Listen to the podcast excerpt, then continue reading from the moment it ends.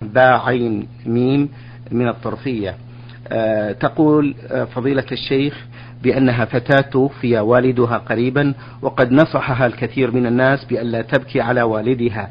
فهل بكائي تقول على والدي يضره؟ علما بأنه في بعض المرات لا أستطيع أن أمنع نفسي من البكاء وخصوصا إذا رأيت آه، ثيابه وأغراضه وأذكر ما يقوم به من مساندة لنا. وجهونا مأجورين.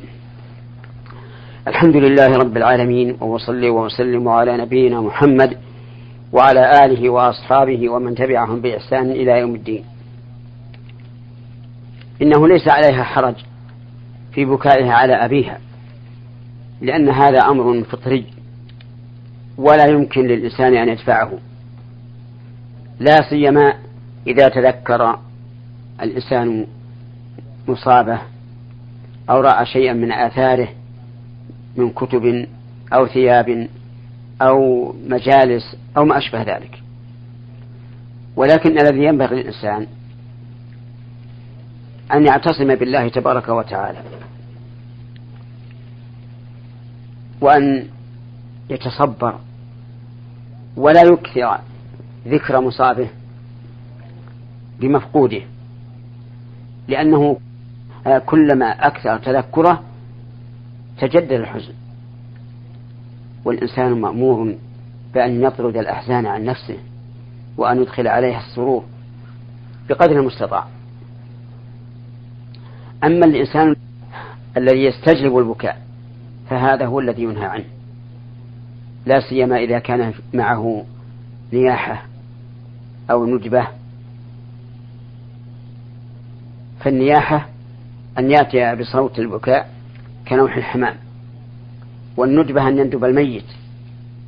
فيقول يا أبتاه يا من يأتي إلينا بكذا ويأتي للبيت بكذا وما أشبه ذلك.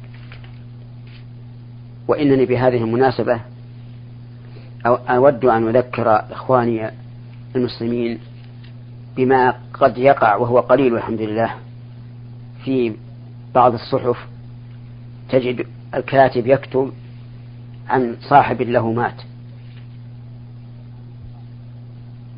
فيخاطبه ويقول يا فلان يا من نستأنس به في مجالسنا يا من نخرج وإياه صباحا ومساء يا من يعلمنا بأحاديث الطيبة وما أشبه ذلك. وهذا من من الندب المنهي عنه. فينبغي للإنسان أن لا يثير الإحسان في نفسه ولا في غيره أيضا. نعم. أحسن الله إليكم. في فقرتها الثانية تقول أرشدوني مأجورين إلى أعمال الخير التي أقوم بها كي تصل إلى والدي.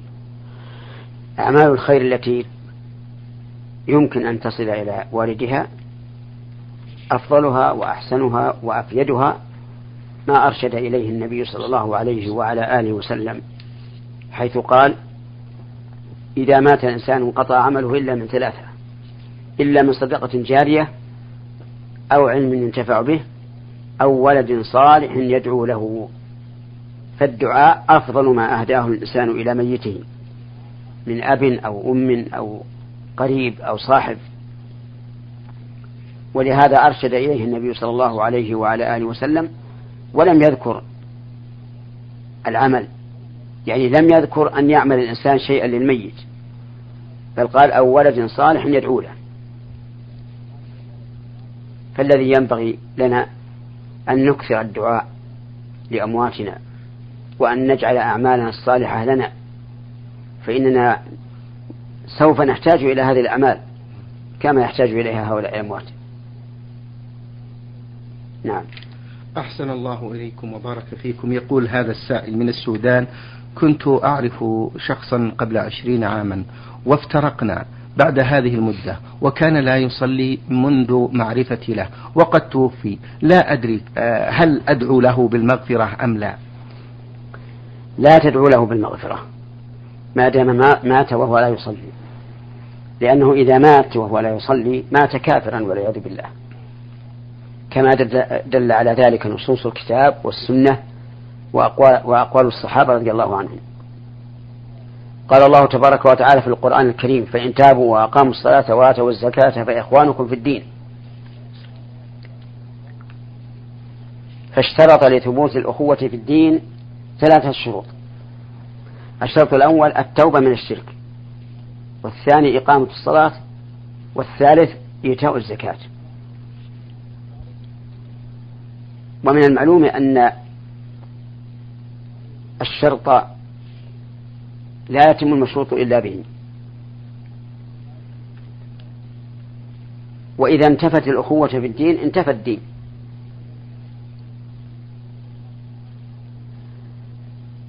هذا من القرآن. أما من السنة فقد قال النبي صلى الله عليه وعلى آله وسلم العهد الذي بيننا وبينهم الصلاة فمن تركها فقد كفر.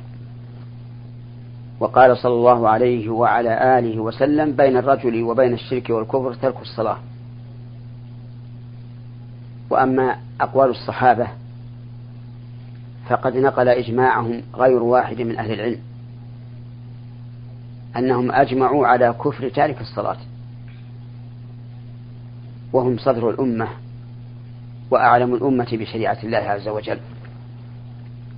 ولم يرد حديث عن النبي صلى الله عليه وعلى آله وسلم صريح في أن تارك الصلاة مؤمن وليس بكافر.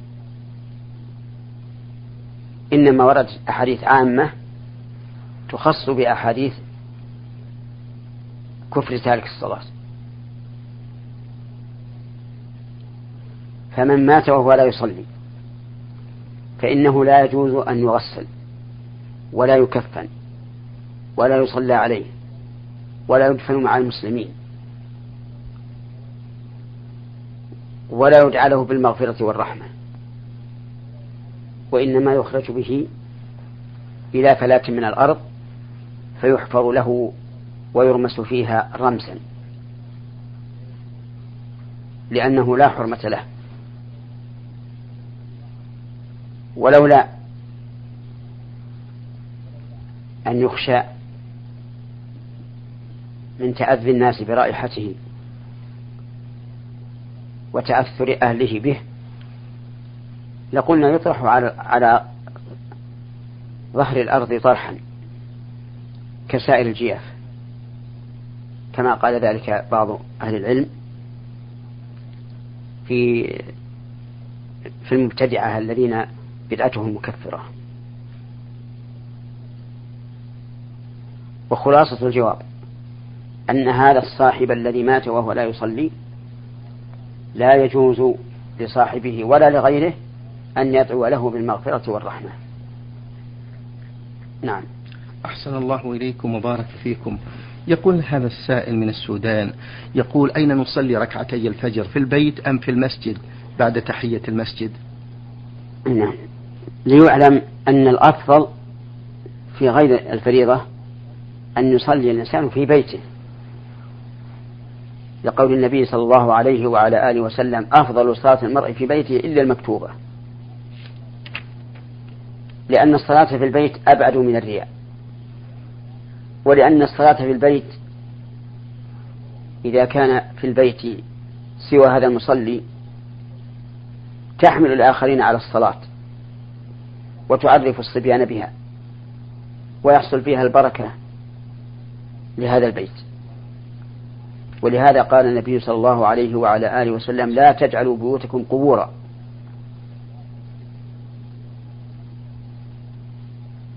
وإذا لم يصلي في البيت خوفا من أن تقام الصلاة مثلا ووصل إلى المسجد قبل إقامة الصلاة فإنه يصلي الراتبة وتغني عن تحية المسجد. فلا حاجة أن يصلي تحية المسجد ثم الراتبة. لا سيما إذا كان وقت وقت الإقامة قريبا. فالراتبة تغني عن تحية المسجد وصلاة الفريضة تغني عن تحية المسجد. وإذا قدر أنه شرع في الراتبة ثم أقيمت الصلاة فإن كان في الركعة الأولى فليقطعها أي يقطع يقطع الراتبة. وإن كان في الركعة الثانية أتمها خفيفة. لقول النبي صلى الله عليه وعلى آله وسلم من أدرك ركعة من الصلاة فقد أدرك الصلاة. نعم. أحسن الله إليكم. هذه رسالة وصلت من سوريا سائل ميم باء سين. يقول فضيلة الشيخ يذكر بأنه شاب نعم. يبلغ من العمر الثالثة والعشرين يقول ومنذ طفولتي كنت متهاون في العبادات أصلي شهر ثم أترك شهر أصوم سنة ثم أترك سنتين وأرتكب بعض بعض المعاصي ولكن الحمد لله تاب الله علي وتبت إلى ربي توبة نصوح ماذا علي أن أفعل بما فاتني من معاصي وكبائر ذنوب؟ وجهوني مأجوري. إذا تاب إلى الله توبة نصوحا صادقا في توبته فإن التوبة تهدم ما قبلها. ولا يلزمه أن يقضي صلاة ولا صياما.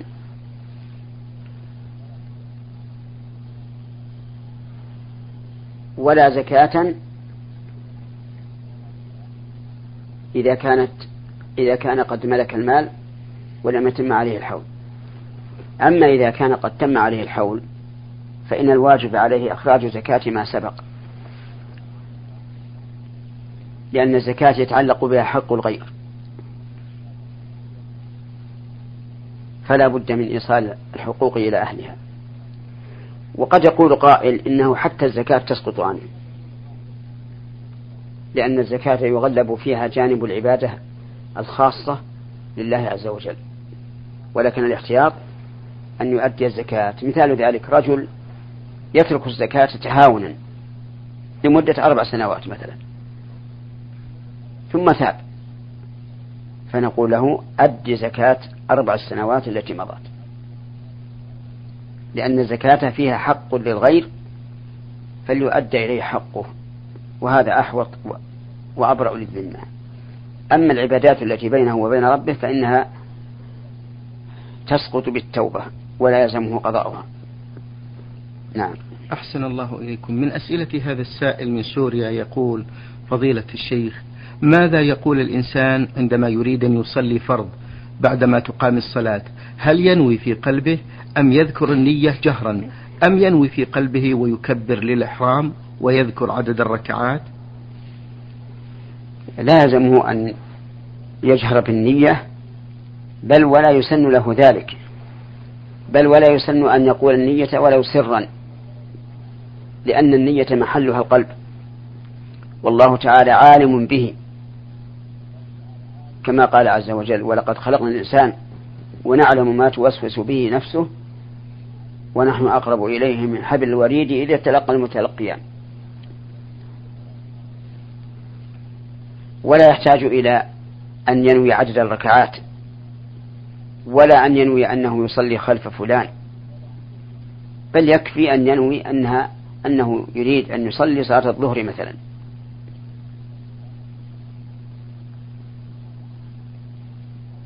فإن غاب عن ذكره عن قلبه تعيين الصلاة. بأن صلى ينوي فريضة الوقت. وغاب عن ذهنه أنها الظهر أو العصر أو المغرب أو العشاء أو الفجر.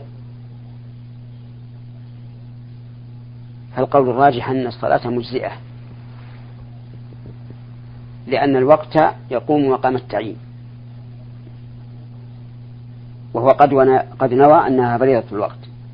فإن كان وقت الظهر فإن كان وقت الظهر فهي ظهر وإن كان وقت العصر فهي عصر وإن كان وقت المغرب فهي مغرب وإن كان وقت العشاء فهي عشاء وإن كان وقت الفجر فهي فجر. نعم. أحسن الله إليكم. يقول إذا خرج من الإنسان ريح هل يجب عليه أن يعيد الاستنجاء أم يكتفي بالوضوء بدون استنجاء؟ الريح لا توجب الاستنجاء إلا إذا خرج منها بلل معها بلل. وإلا فمجرد الريح لا يجب فيه الاستنجاء. وعليه فلو خرج منه ريح وهو على وضوء ثم أراد الصلاة وجب عليه أن يتوضأ ولا يجب عليه أن يستنجي. نعم. يذكر هذا السائل بأنه يعمل عند شخص عقده سنة ومتفقين على راتب بالشهر بمبلغ معين بعد أن أمضيت السنة أخذت أجري هل أزكي من هذا من ساعة ما أستلم أم أنتظر حتى يحول عليه الم... حتى يحول عليه الحول؟ نعم. الأولى أن يزكي من حين قبضه لأن الأجرة تشبه الثمرة من من بعض الوجوه والثمرة تجب زكاتها حين حين نضجها. فالأفضل أن يزكيه آه، من حين ما قبضه. وإن انتظر الحول فإنه إذا مضى على الشهر الأول سنة أدى زكاته ثم على الشهر الثاني ثم على الثالث ثم على الرابع. ولكن إخراجه من حين يقبض الأجرة كما قلت أحوط وأبرأ للذمة وأيسر من جهة الحساب. نعم. جزاكم الله خيرا. فضيلة الشيخ السائل من محمد من مكة المكرمة يقول هل الإنسان مسير أم مخير؟ الجواب أن أقول له اسأل نفسك. هل أنت حينما كتبت هذه الورقة وفيها السؤال هل أنت فعلت ذلك باختيارك؟ أو أن أحد أجبرك. إنني أجزم جزما أنه سيقول كتبتها باختياري. ولكن ليعلم أن الله سبحانه وتعالى هو الذي خلق في الإنسان الإرادة. فالله تعالى خلق الإنسان. وأودع فيه أمرين كلاهما سبب الوجود. الأمر الأول الإرادة. فالله تعالى جعل الإنسان مريدا. والأمر الثاني القدرة. جعله الله تعالى قادرا. فإذا فعل شيئا فإنما يفعله بإرادته وقدرته. والذي خلق فيه الإرادة هو الله عز وجل وكذلك الذي خلق فيه القدرة هو الله عز وجل. وهذه الكلمة مسير ومخير هي كلمة حادثة لا أعلمها في كلام السابقين.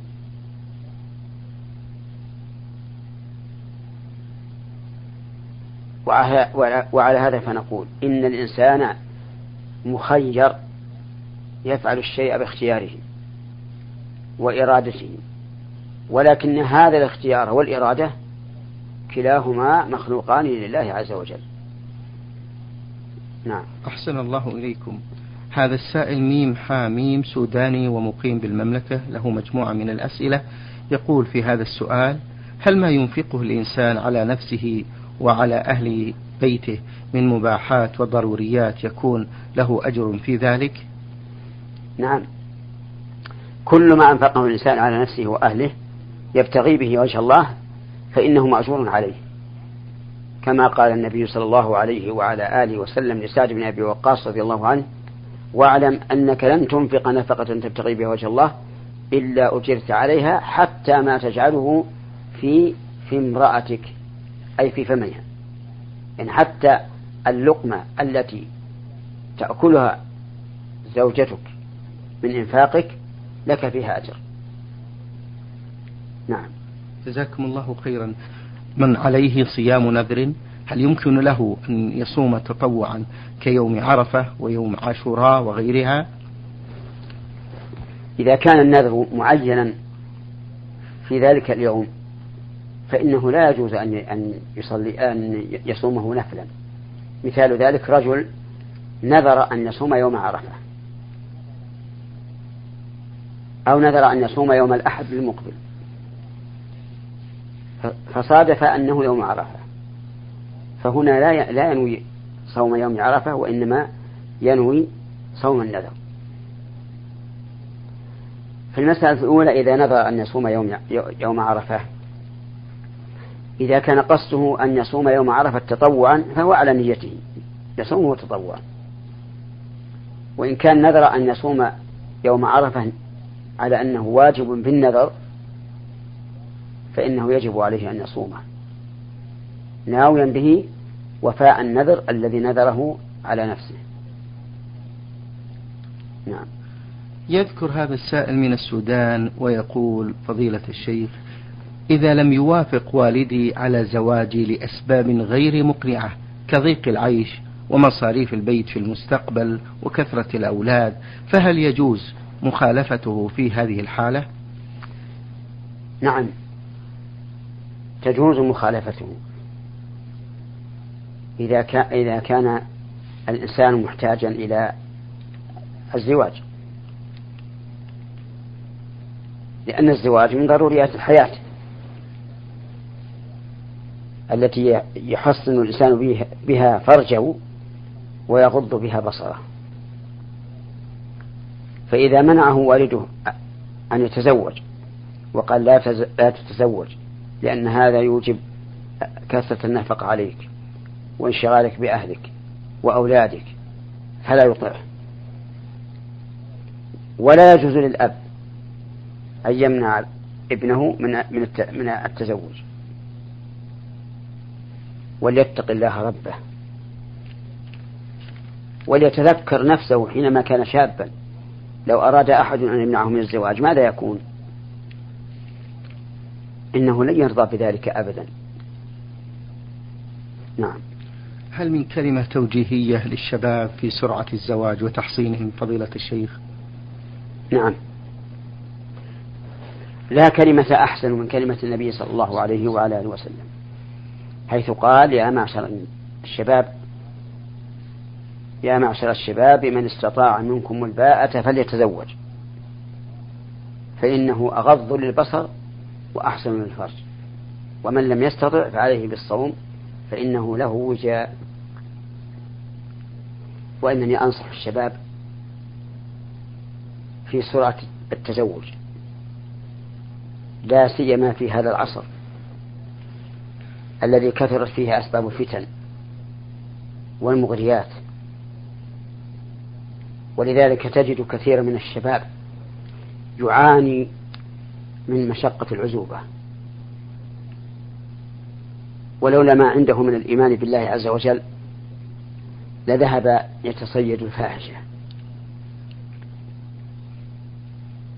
ثم أني أقول إن كان الشاب عنده مال يكفيه لزواجه فهذا هو المطلوب أن يتزوج به. وإن لم يكن عنده مال وجب على أبيه أن يزوجه إذا كان قادرا على ذلك. كما يجب عليه أن ينفق عليه. طعاما وشرابا وكسوة وسكنا. ولا يحل لأحد أغناه الله وبلغ أبناؤه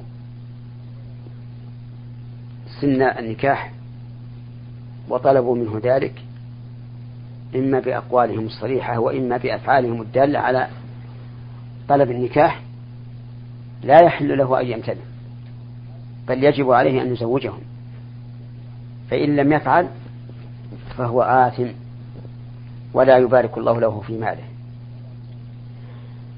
يقول بعض الجهال من الآباء لأبنائه إذا طلبوا منه النكاح يقول المثل السائر الجائر ما يحك ظهرك غير ظفرك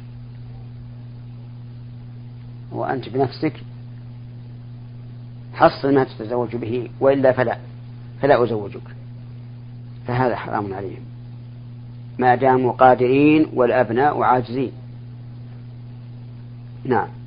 أحسن الله إليكم وبارك فيكم. يقول هذا السائل فضيلة الشيخ عند القيام للركعة الثانية من السجود هل يعتمد المصلي في القيام على كفيه أم على ركبتيه؟ وإن كان على يديه فهل يقبضهما أم يبسطهما؟ الأفضل أن يقوم من السجود ناهضا على صدور قدميه معتمدا على ركبتيه. هذا هو الأفضل. فإن لم يستطع لكبر أو مرض فإنه يعتمد بيديه على الأرض إما مبسوطتين أو مضمومتين الأمر في هذا واسع لكن متى قدر أن يقوم بدون اعتماد فهو الأفضل. كما أن العكس كذلك. إذا أراد السجود فليبدأ بركبتيه قبل يديه. إلا أن يكون عاجزا فلا حرج أن يقدم يديه. وذلك لأن النبي صلى الله عليه وعلى آله وسلم قال إذا سجد أحدكم فلا يبرك كما يبرك البعير. يعني لا يقدم يديه لأن البعير كما هو مشاهد إذا أراد البروك قدم اليدين. ثناهما ثم برك.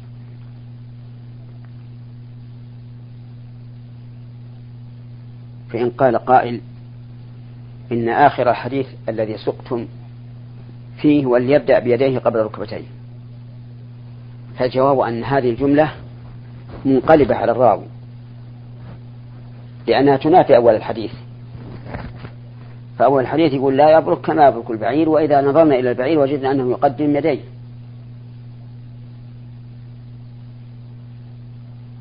وأن صواب العبارة وليبدأ بركبتيه قبل يديه. فإن قال قائل ركبة البعير بيديه. وإذا سجد على ركبتيه أولا فقد شابه البعير. حيث إن البعير يضع الركبتين قبل. فالجواب أن هذا غفلة عن معنى الحديث لأن النبي صلى الله عليه وعلى آله وسلم إنما نهى عن الكيفية لا عن العضو المسجود عليه. فقال لا يبرك كما يبرك البعير ولم يقل لا يبرك على ما يبرك عليه البعير. والفرق بين التعبيرين واضح. يعني لو قال النبي صلى الله عليه وعلى آله وسلم فلا يبرك على ما يبرك عليه البعير قلنا لا لا لا تبدأ بالركبتين. لكن قال فلا يبرك كما يبرك البعير وهذا نهي عن الكيفية لا عن العضو الذي يسجد عليه. وهذا أمر واضح. لكنه يحتاج إلى تأمل وتطبيق على ما يبرك عليه البعير نعم. شكر الله لكم فضيلة الشيخ وبارك الله فيكم وفي علمكم ونفع بكم الإسلام والمسلمين. أيها الإخوة